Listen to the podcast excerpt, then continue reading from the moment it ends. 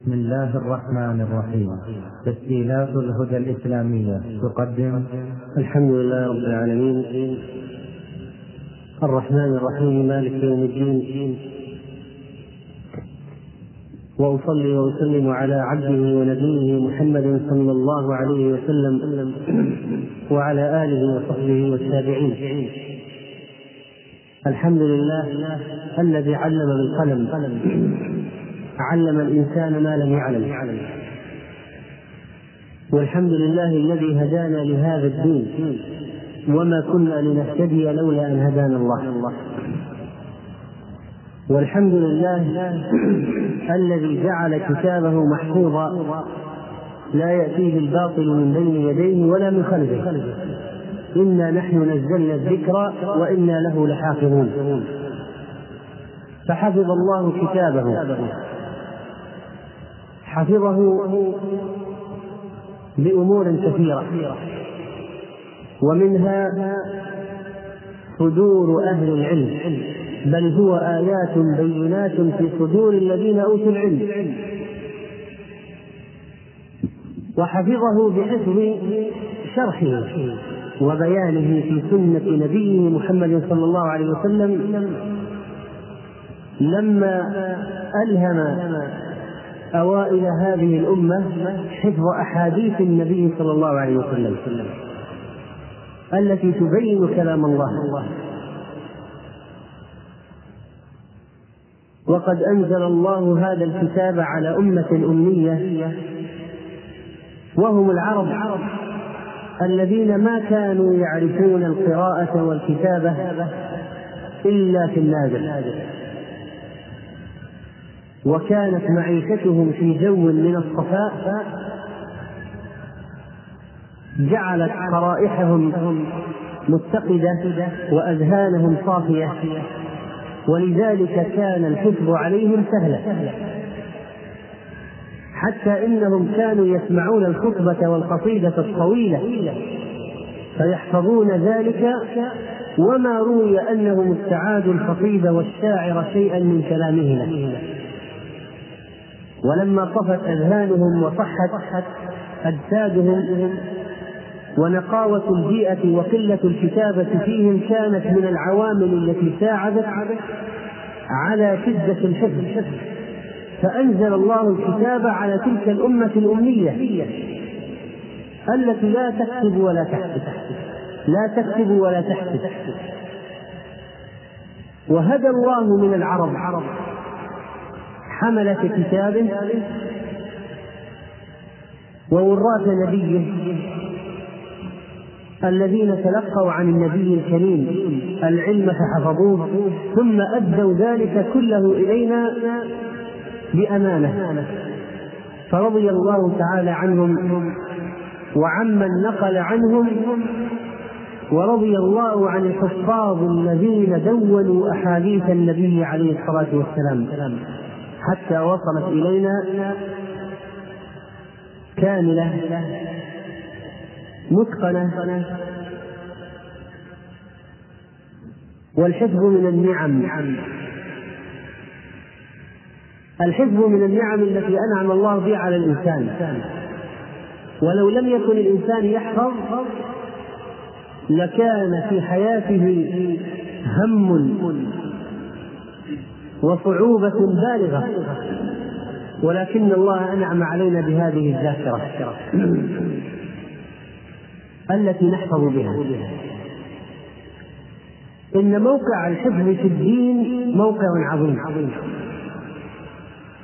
ويكفي شرفا الحافظ لكتاب الله أن الله جعله من أسباب حفظ كتابه.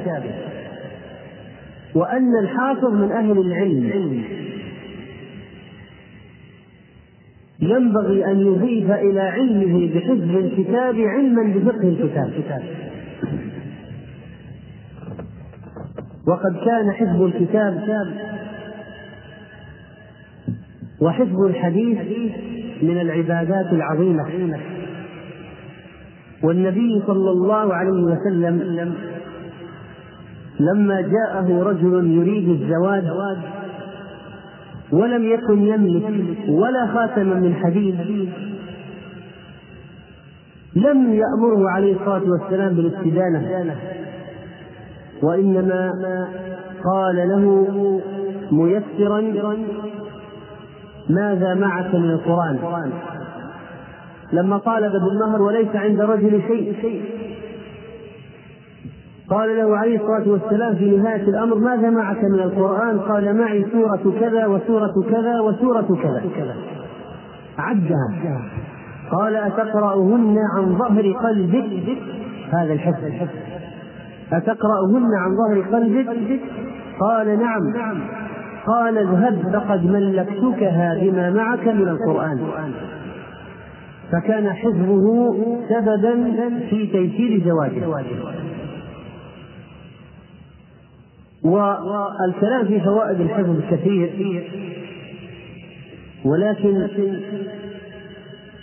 قلنا أن الحافظ له أجر عظيم ويكفي في ميزاته أن جسد الحافظ لا تمسه النار يوم القيامة فإن القرآن إذا جمع في إيهاب وهو جلد الحافظ نفس الحافظ التي بين جنبيه لا يمسه لا تمسه النار. طالما كان قائما بأمر الله فإن جسد الحافظ لا تمسه النار.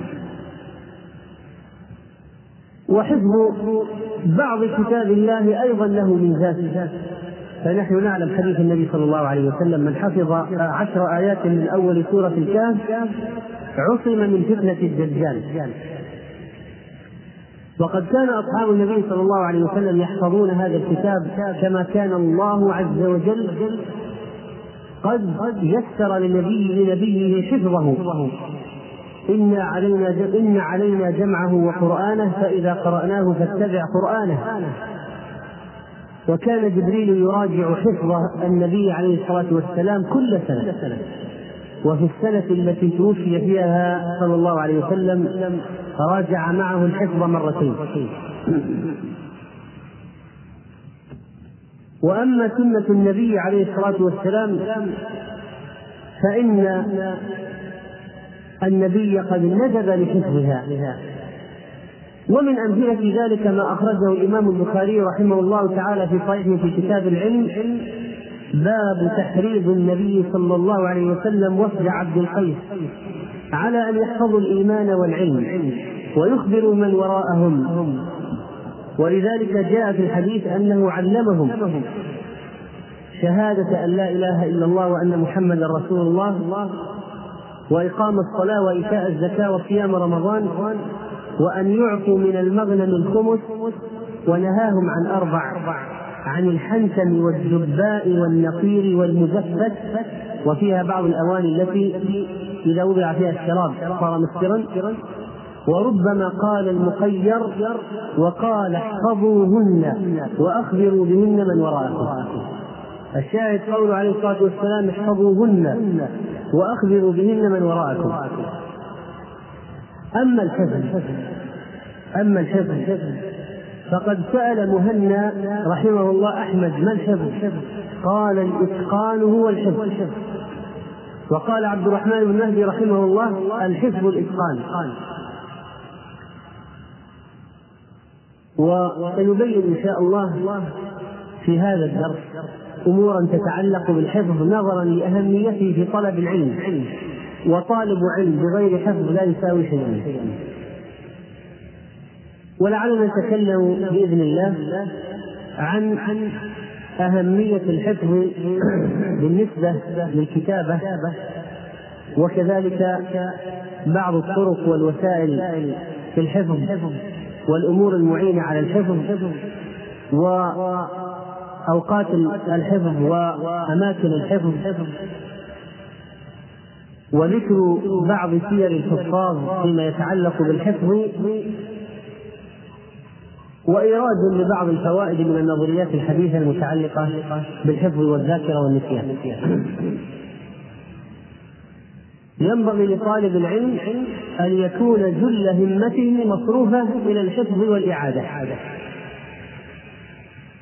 فلو صح صرف الزمان إلى ذلك كان الأولى. أهم شيء لطالب العلم أن يحفظ. غير أن البدن مطية. وإجهاد السير مظنة الانقطاع.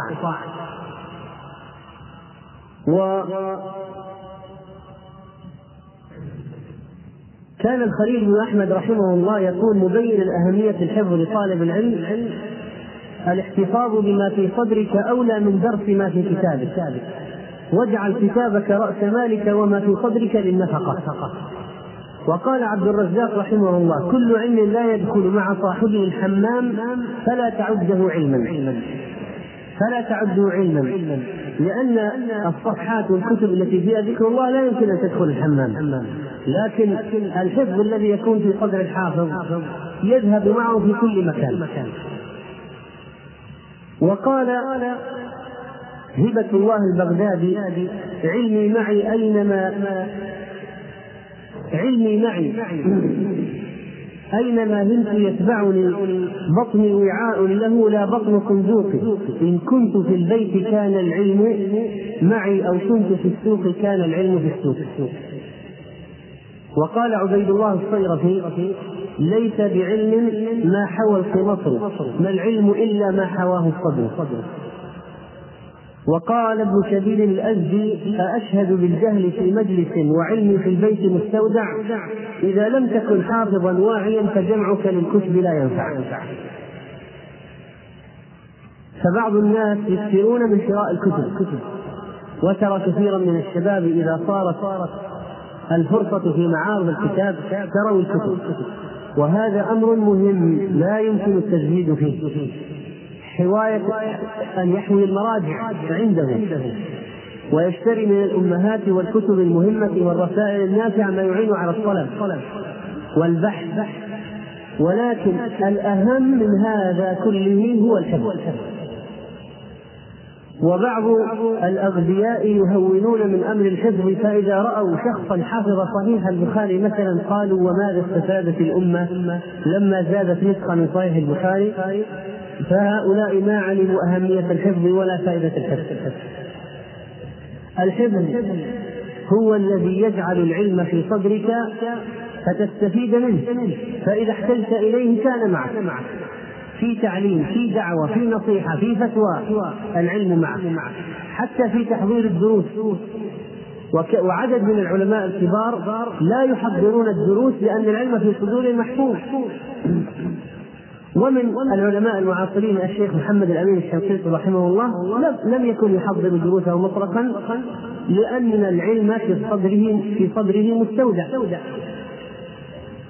ومتى احتاجه؟ وجده. لأنه في صدره. لو كان في سفر ليس معه مكتبته ولا مراجع عنده العلم في صدره.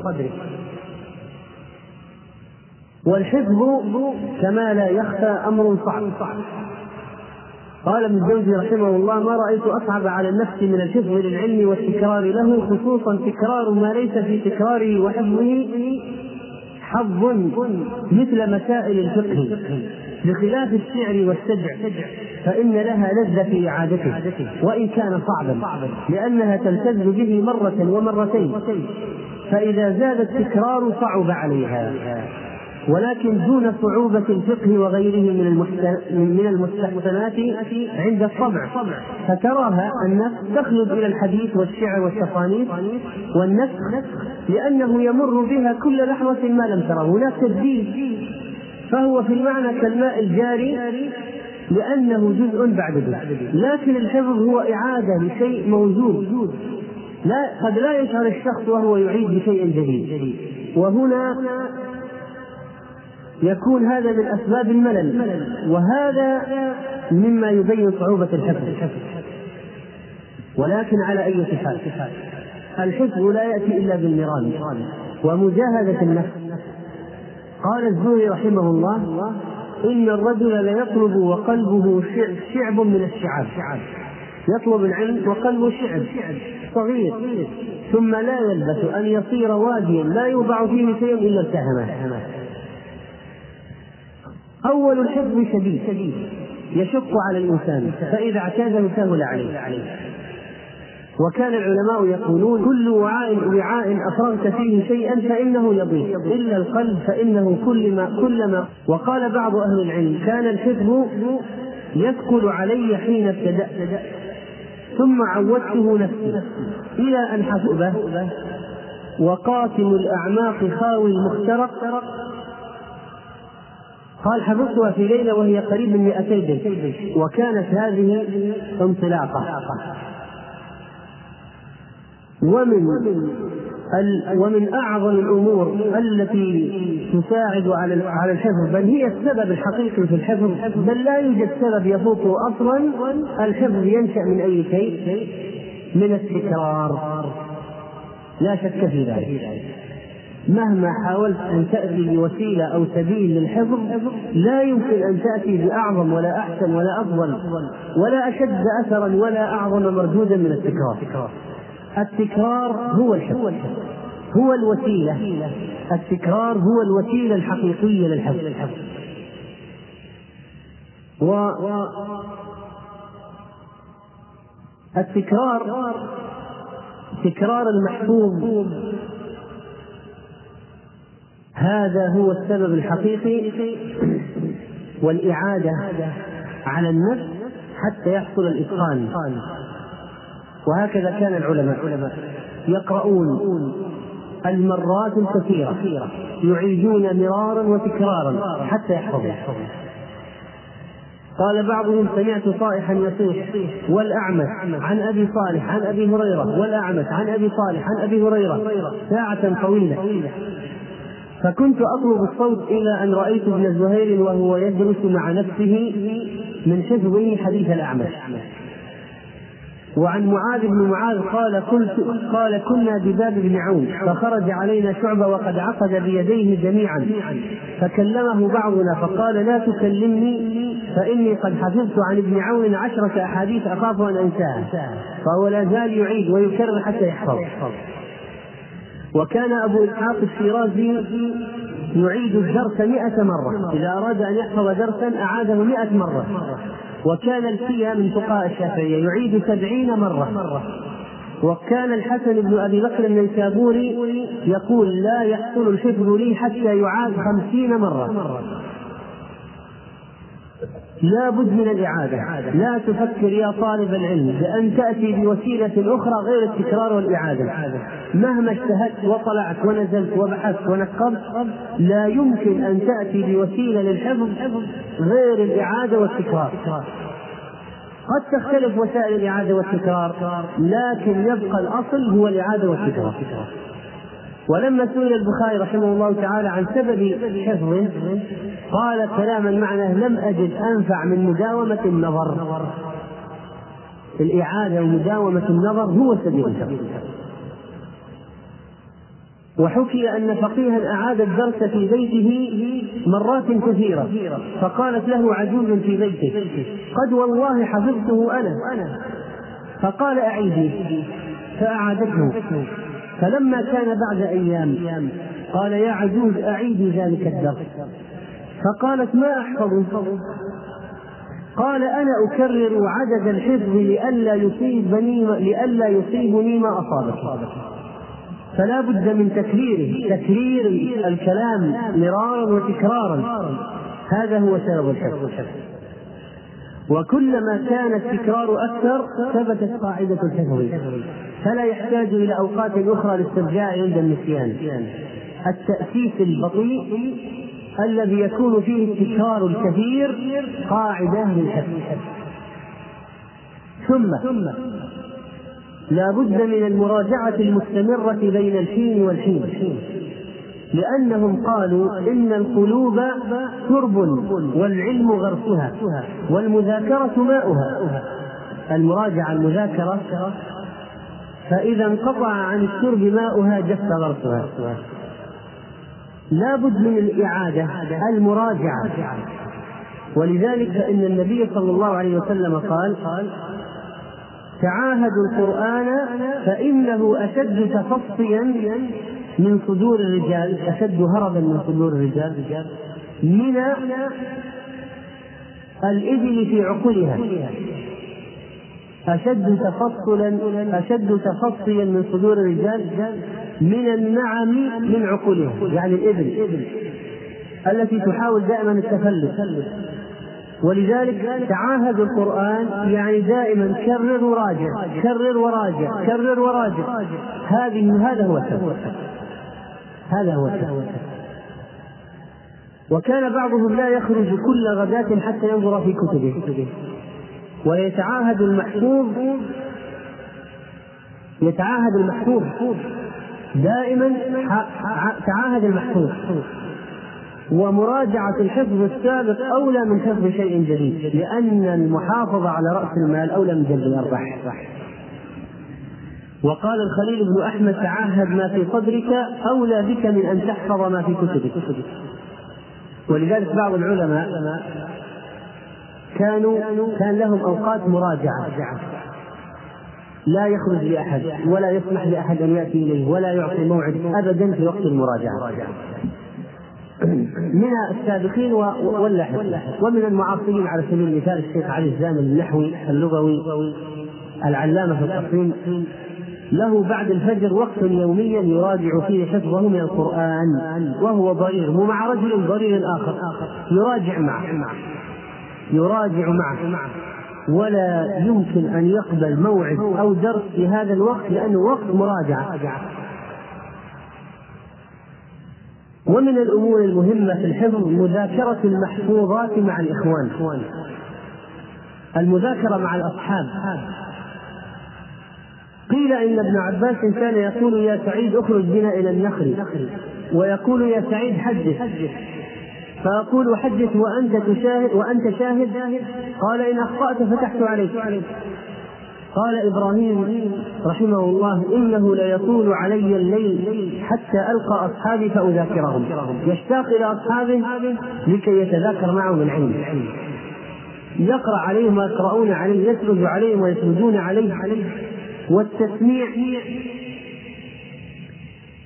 وكانوا أيضا في هذه التسميعات وهذه وهذا السرد المزدوج كان بعضهم ينبه بعض على أشياء ويمتحن بعضهم بعضا في أشياء. قال أبو بكر بن أبي داود لأبي علي النيسابوري الحافظ يا أبا علي إبراهيم عن إبراهيم عن إبراهيم. من هم؟ في سند في إبراهيم ثلاثة وأربعة. من هم؟ قال فقال إبراهيم بن طهمان عن إبراهيم بن عامر البجلي عن إبراهيم النخعي فقال أحسنت. وينبغي للعاقل أن يكون جل زمانه للإعادة. أن يكون جل زمانه للإعادة خصوصا الصبي والشاب. فإن فإنه يستقر المحفوظ عندهما استقرارا لا و كان من فعل بعض السلف في إعادة العلم ما يلي وعلى رأسهم الزهري رحمه الله. روي عن الزهري أنه كان يرجع إلى منزله وقد سمع حديثا كثيرا فيعيده على جارية الله من أوله إلى آخره. كما سمعه. ويقول لها إنما أردت أن أحفظه وكان غيره يعيد الحديث على صبيان على الصبيان يجي يجلسه في الطريق ويسرد عليه الفرة لأجل الاسترجاع. إذا ما لقي أصحاب يحفظ معهم يسرد على النساء والصغار. ومما يعين على الحفظ العمل بما تحفظ وهذا من أهم الأمور. هذا ثمرة العلم. ما هو ثمرة العلم؟ العمل. ما هي ثمرة العلم؟ العمل.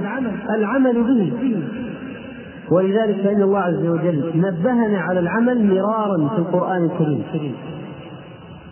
وأخبر أن العاملين هم هم الناجون الفائزون يوم الدين. وأن الإثم في ترك العمل بالعلم. وقد تواترت على ذلك الآيات والأحاديث. والشواهد الكثيرة في أهمية العمل بالعلم وألف العلماء وصنفوا في اقتضاء العلم العمل. ولا شك أن العمل بالعلم يزيد الحفظ. استعمال الآثار وتوظيف السنن فالإمام أحمد رحمه الله ما كان يضع حديثا في مسنده إلا ويعمل به إلا ويعمل به حتى أنه احتجم وأعطى الحجام دينارا لأجل فعل النبي صلى الله عليه وسلم. وكان إسماعيل بن إبراهيم بن مجمع بن جارية يقول كنا نستعين على حفظ الحديث بالعمل به فإذا عملت بالعلم كان ذلك سببا عظيما من أسباب الحفظ. ومن أسباب الحفظ تعليم العلم للناس. تعليم العلم للناس. ونشره بين الناس. وقد قدمنا قبل قليل قصة ابن شهاب الزهري رحمه الله أنه كان يسمع العلم من عروة وغيره فيأتي إلى من عروة وغيره فيأتي إلى جارية له وهي نائمة فيوقظها فيقول اسمعي. حدثني فلان كذا وفلان كذا. فتقول ما لي ولهذا الحديث.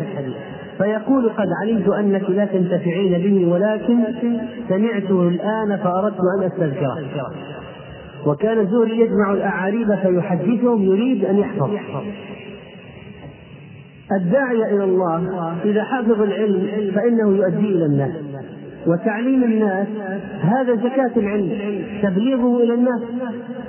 وكلما بلغته كلما رسخ في ذهنك لأن التبليغ هو نوع من التكرار والإعادة. ولذلك العلماء الذين يفتون الآن يحفظون أدلة الفتاوى من أسباب حفظهم للأدلة رغم تقدم أسنانهم أنهم كثيرا ما تردوه على مسامع الناس. لقد ألقوه إليهم وسئلوا فأجابوا. فمن كثرة الإلقاء والإجابة على الأسئلة رسخ العلم في الأذهان. ومن القواعد المهمة في الحفظ المداومة المداومة ولو على القليل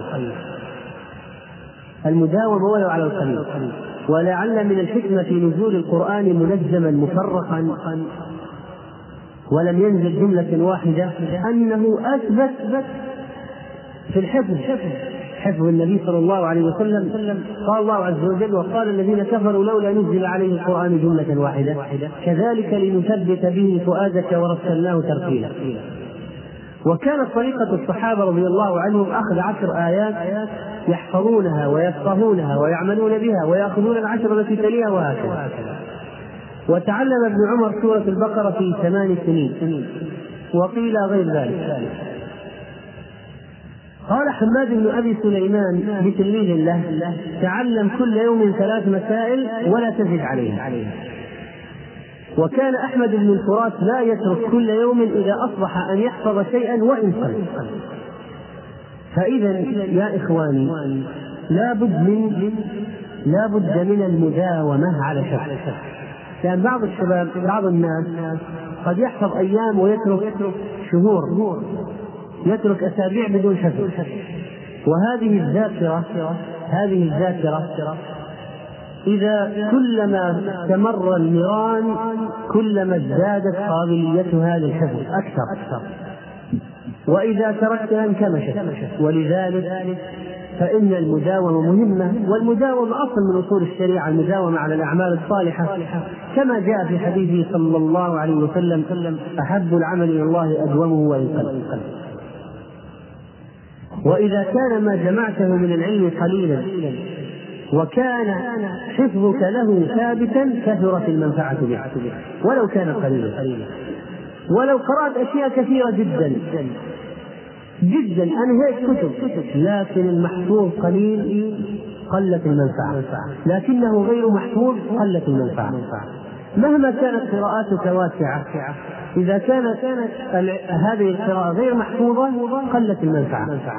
ولو كان الشيء الذي اطلعت عليه قليل لكنه محفوظ متقن فإن المنفعة كبيرة. ولا شك أن من أكبر الأسباب المعينة على الحفظ وينبغي البدء به ولكن حتى لا نكون في شيء من التكرار الذي يقلل أهمية هذا الأمر أحيانا فنقوله الآن وهو النية في الحفظ ما هي النية؟ هل هي للمباهاة؟ هل هي لكي لمناقشة العلماء وإظهار العلم أو مماراة السفهاء أو أن تصرف وجوه الناس إليك. إن كانت هذه النية فالنار النار كما أخبر النبي صلى الله عليه وسلم. وكلما كان الإنسان أخلص لله كان حزبه أفضل وأشد بركة. قال ابن عباس إنما يحفظ ومن الأمور المهمة في الحفظ الصلاح ترك المحرمات. سأل رجل مالك بن أنس رحمه الله هل يصلح لهذا الحفظ شيء؟ قال إن كان يصلح له شيء فترك المعاصي. وهذا معنى الأبيات التي تنسب إلى الشافعي رحمه الله شكوت إلى وكيع سوء حفظي فأرشدني إلى ترك المعاصي. وقال اعلم بأن العلم فضل وفضل الله لا يؤتاه عاصي ولهذا البيت الأبيات بيتين ألفاظ كثيرة. فالمعاصي كما ذكر ابن القيم رحمه الله تذهب العلم وتنسي المحفوظات لأن المعصية لها شؤم وشؤم المعصية ينعكس على العلم المحفوظ. وكثير من الناس حفظوا وعدد من الناس حفظوا كتاب الله. ثم نسوا. من أسباب نسيانهم لآيات كثيرة من كتاب الله أي شيء؟ شيء المعصية. المعصية. المعصية. فلما طال عليهم الأمد قست قلوبهم. ولما قست القلوب ذهبت الأشياء المحفوظة وضيع اليهود والنصارى كتاب الله بالمعاصي. وقد أوكل حفظه إليهم بما استحفظوا من كتاب الله فضاع. ضاع وكان من عقاب الله لهم ضياع هذه الكتب منهم بسبب معاصيهم. وقد ذكر الله هذا في كتابه. ولذلك كلما كان الطالب أتقى لله كان حفظه أحسن. وقد يوجد نماذج من العصاة يحفظون ولكن حفظهم لا بركة فيه. وقد يكون حفظهم من باب الاستدراج لهم. ولا تجد فيه نفعا. لكن أهل التقى حفظهم نافع. مبارك. ومن أسباب الحفظ الطاعات. صلاة الليل وقراءة القرآن من أسباب الحفظ.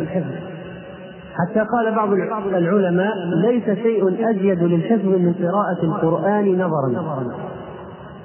وقد جاء في الحديث الحسن من سره أن يحب الله ورسوله فليقرأ في المصحف. فالقراءة في المصحف نظر وغير وتدبر. هذه من الأشياء المعينة على حفظ ولاحظ أن أن الحافظ لكتاب الله يسهل عليه حفظ ما بعده. القرآن حفظ القرآن يسهل ويذلل الصعوبات في الحفظ. لأن لأن الإنسان إذا جمع القرآن وذل تذلل لسانه بهذه الآيات.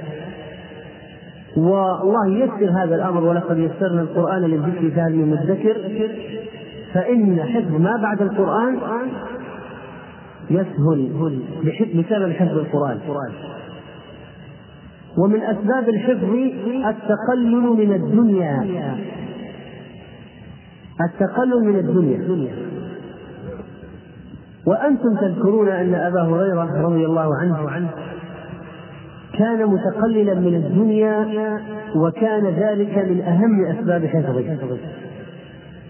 حتى عد ابن حجر رحمه الله فائدة في حديث أبي هريرة قال وفيه أن التقلل من الدنيا أمكن للحفظ. فإذا ترك المعاصي وفعل الطاعات من أسباب الحفظ وفعل المعاصي من أسباب نسيان العلم. وقال قال عبد الله إني لأحسب الرجل ينسى العلم بالخطيئة يعملها. وقيل لسفيان بن عيينة بما فيما وجدت الحفظ؟ قال بترك المعاصي. ومن الأسباب التي وردت في الأحاديث للحفظ الحجامة كما جاء في الحديث الحسن عند ابن ماجه والحاكم وابن, وابن السني وأبي نعيم مرفوعا من حديث ابن عمر الحجامة على الريق أمثل وفيها شفاء وبركة وتزيد في الحفظ وفي العقل وتزيد في الحفظ وفي العقل الحجامة والحجامة مؤكد عليها في الشريعة حتى قال النبي عليه الصلاة والسلام ما مررت على ملأ من الملائكة في المعراج إلا وأمروني أن آمر أمتي بالحجامة وأوصي أمتي بالحجامة. فالحجامة من الأشياء التي تزيد الحفظ. نعم ليست هي كل شيء. أو بعض الناس يفكر أنه لو احتجم اليوم غدا يحفظ صحيح البخاري. طبعا هذا لا لا أساس له. لكن قال عليه الصلاة والسلام وتزيد في الحفظ. تزيد. قال قال فاحتجموا على البركة على بركة الله يوم الخميس. واجتنبوا الحجامة يوم الجمعة ويوم السبت ويوم الأحد واحتجبوا يوم الاثنين والثلاثاء. فإنه اليوم الذي عافى الله فيه أيوب من البلاء. واجتنبوا الحجامة يوم الأربعاء. كأنه اليوم الذي ابتلي فيه أيوب. إلى آخره. هذا الحديث الذي حسنه الألباني في حسنه الألباني وروى ابن ماجه وغيره كما قدمنا. ومن أسباب الحفظ العظيمة الأدعية والأذكار. وقد قال النبي عليه الصلاة والسلام ماء زمزم لما شرب له. وقد شرب عدد من العلماء ماء زمزم وهم يدعون الله أن يعطيهم أن يعطيهم حافظة قوية. وشرب ابن حجر ماء زمزم وسأل الله أن يبلغه مرتبة الذهب في الحفظ.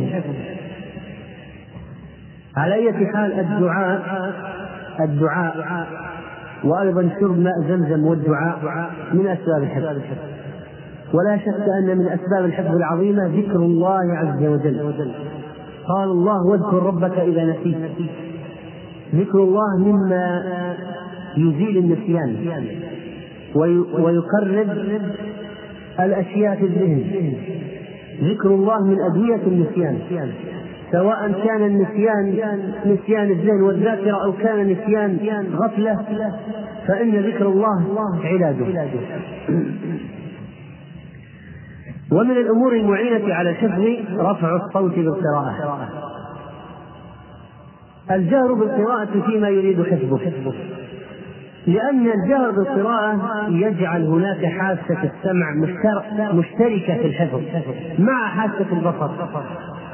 وإن كان الرجل أعمى فإن حفظه يكون شديدا لأجل أن منفذ السمع إلى القلب أقوى وأشد من منفذ البصر إلى القلب. لذلك قلنا العرب العرب كانوا يحفظون الخطبة الطويلة والأبيات الكثيرة من أول مرة. ما كانوا يقرؤون ولا يكتبون. وهكذا تلقى معظم الصحابة الأحاديث كيف تلقوها وكيف حفظوها؟ بالسماع. السماع مهم جدا. قال الزبير بن بكار دخل علي أبي وأنا أروي في دفتر في دفتر ولا أجهر. أروي فيما بيني وبين نفسي. فقال لي إنما لك من روايتك هذه ما أدى بصرك إلى قلبك. فإذا أردت الرواية فانظر إليها وأجهر بها. فإنه يكون لك ما أدى بصرك إلى قلبك وما أدى سمعك إلى قلبك. وهم يقولون الآن أنه كلما اشتركت حواس أكثر في الحفظ كان الحفظ أكثر. وعلى أي حال هذه مسألة يختلف فيها الناس. بعض الناس لا يحفظ إلا إذا رفع صوته. وبعض الناس لا يحفظ إلا يكون الحفظ عنده أحسن إذا كان يقرأ بصمت وينظر. ينطبع في ذهنه. حتى إن بعض الحفاظ كان يضع يضع يده على صفحة إذا أراد أن يحفظ الصفحة التي تليها حتى لا تختلط عليه السطور وينبغي للدارس أن يرفع صوته في درسه حتى يسمع نفسه فإن ما سمعته الأذن يرسخ في القلب. ولهذا كان الإنسان أوعى لما يسمعه. وعن أبي حامد أنه كان يقول لأصحابه إذا درستم فارفعوا أصواتكم فإنه أثبت للحفظ وأذهب للنوم. وكان يقول القراءة الخفية الخفية للفهم والرفيعة. القراءة الخفية يعني إذا أردت أن تتدبر وتفكر تنظر. والرفيعة اللي فيها رفع الصوت للحفظ يقول القراءة الخفية للفهم. والرفيعة للحفظ وكذلك من أسباب الحفظ التمهل في القراءة. وكان بعضهم يقرأ الكتاب ثم يذاكر به حرفا حرفا كأن قارئا يقرأه عليه فيفسره له. يعني قراءة مبينة مفسرة مترسلة بطيئة. حتى يكون أرسخ. علما أن بعض الناس يحفظ إذا سرد سرد يحفظ أكثر. وعن وكذلك مما يعين على الحفظ حسن الاستماع لما يريد حفظه. عن سفيان قال كان يقال أول العلم الصمت أول شيء يجي الطالب يجلس في الحلقة ما يتكلم ولا كلمة. المبتدئ يجلس عند الشيخ ما يتكلم ولا كلمة. فقط يسمع فقط فقط. لا يسأل ولا يقاطع ولا شيء. يسمع فقط. كان يقال أول العلم الصمت أولا يصمت ما يتكلم ثم يسمع. كان يقال أول العلم الصمت والثاني الاستماع له وحفظه والثالث العمل به والرابع نشره وتعليمه. ونكر عنه أنه قال تعلموا هذا العلم فإذا علم علمتموه فتحفظوه فإذا حفظتموه فاعملوا به فإذا عملتم به فانشروه. بين الناس وقال هذا الناظم يا طالبا للعلم كي تحظى به دينا ودنيا ودنيا حظوة تعليه اسمعه ثم احفظه ثم اعمل به لله ثم انشره في أهلها. وينبغي لمن يريد الحفظ أن لا يرهق نفسه ويملها فإذا فإذا تعب في الحفظ أخذ قسطا من الراحة أخذ قسطا من الراحة. وكان العلماء كيف كانت راحتهم؟ كيف كانت راحتهم؟ يجعلون أوقات التعب من الإعادة والتكرار يجعلونها للنسخ ونقل الأشياء. وكانوا يجعلونها كذلك من التعب في قراءة الأشياء التي فيها نوع من الترويح كالأشعار والأمثال والقصص. والطرائف وغير ذلك. و ينبغي أن نعلم أن أن الناس في الحفظ طاقات متفاوتة. فمنهم من يحفظ عشر ورقات في ساعة ومنهم من لا يحفظ نصف صفحة في أيام. فإذا ذهب الذي مقدار حفظه نصف صفحة. يريد أن يحفظ عشر ورقات تشبها بغيره. لحقه الملل وأدركه الضجر ونسي ما حفظ فليستقر كل امرئ على مقدار ما يستوعبه. وعليه أن يشفق على نفسه من أن يحملها ما لكن كيف يعرف الإنسان طاقته؟ الجواب بالتجربة. ولا ينبغي للعاقل أن يزج نفسه فيما يستفرغ جهوده. فيتعلم في يوم ضعف ما يتحمل. فهذا وإن تهيأ له أنه حفظها هذه المرة وأنها وأنه ضبطها في هذا اليوم فإنه في الغد سيثقل عليه جدا إعادة ما مضى وحفظ شيء جديد. وهذا كمن يحمل حملا ثقيلا يرهق نفسه في أول يوم فيحدث ضرر نعم هو حمله لكن حصل ضرر في جسده في الغد لا يستطيع أن يحمل شيئا. وينبغي أن يجعل الحافظ لنفسه مقدارا. كلما بلغه وقف لا يزيد